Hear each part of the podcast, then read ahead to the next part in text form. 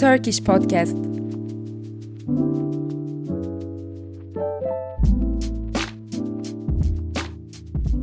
Herkese merhaba. Easy Turkish Podcast'in yeni bölümüne hepiniz hoş geldiniz. Bu bölümümüzde sizlere Türkiye'den ve dünyadan haberleri aktaracağım. Ramazan geldi. Diyanet İşleri Başkanlığı tarafından yayımlanan dini günler takvimiyle beraber Ramazan ayı ve bayram tarihleri belli oldu. Ramazan ayı 22 Mart'ı 23 Mart'a bağlayan gece başlayacak ve 20 Nisan'da sona erecek. 21 Nisan 2023 günü ise bayramın birinci günü olacak. Deprem bölgesindeki 4 şehirde kademeli olarak eğitime başlanıyor. Milli Eğitim Bakanı Mahmut Özer 27 Mart pazartesi günü deprem bölgesindeki 4 şehirde kademeli olarak eğitime başlanacağını belirtti. Eğitime başlanacak iller Malatya, Kahramanmaraş, Hatay ve Adıyaman. Ancak bu illerin tüm ilçelerinde değil, bazı ilçelerinde eğitime başlanacak. Diğer ilçeler için ise gerekli çalışmalar yapıldıktan sonra eğitime başlanacak. 1600 yıllık surları mangalcılar kararttı. Bir süre önce restore edilen Zeytinburnu Kennedy Caddesi'nde bulunan 1600 yıllık tarihi surların birçok bölümü hafta sonu yapılan mangallarda yakılan ateş nedeniyle siyaha büründü. Belediye ekipleri motosikletli ekiplerle kontrol etmek için bölgeye gidiyor ve ceza da yazıyorlar. Ancak kaçak yollarla hala mangal yakanların ve çevreyi kirletenlerin olduğu belirtiliyor. En kurak yaz geliyor. Türkiye'de maalesef son 22 yılın en kurak kış dönemi yaşanıyor.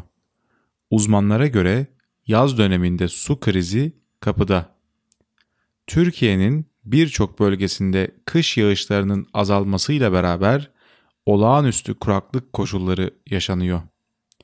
Devlet Su İşleri Yöneticisi Dursun Yıldız, yaz dönemi yaşanması kaçınılmaz su krizinin ulusal güvenlik sorunu olarak çok acil ele alınması gerektiğini belirtti.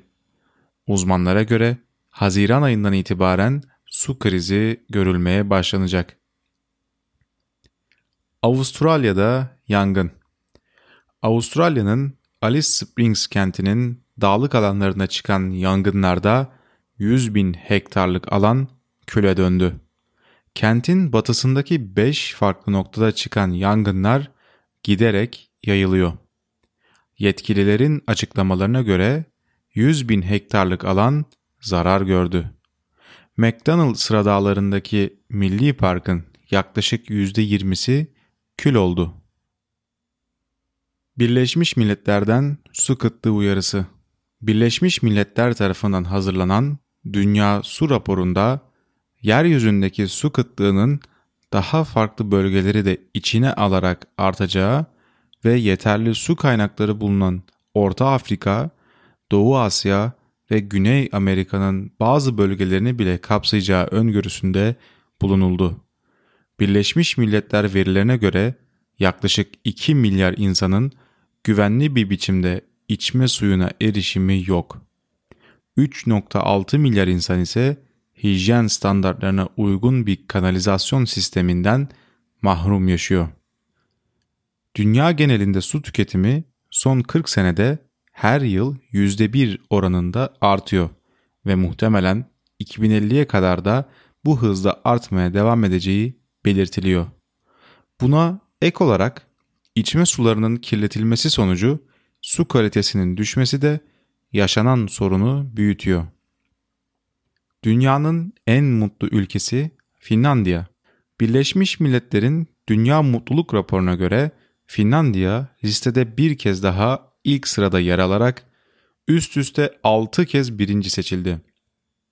Finlandiya'yı Danimarka, İzlanda, İsrail, Hollanda, İsveç, Norveç, İsviçre, Lüksemburg ve Yeni Zelanda izledi.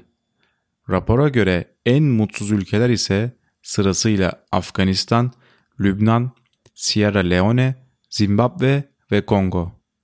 150 ülkenin incelendiği raporda Türkiye 106. sırada bulunuyor. Çin ve Rusya arasındaki ticaret hacmi %116 arttı. Çin Devlet Başkanı Xi Jinping, Çin ve Rusya arasındaki ticaret hacminin 10 yılda %116 arttığını belirtti.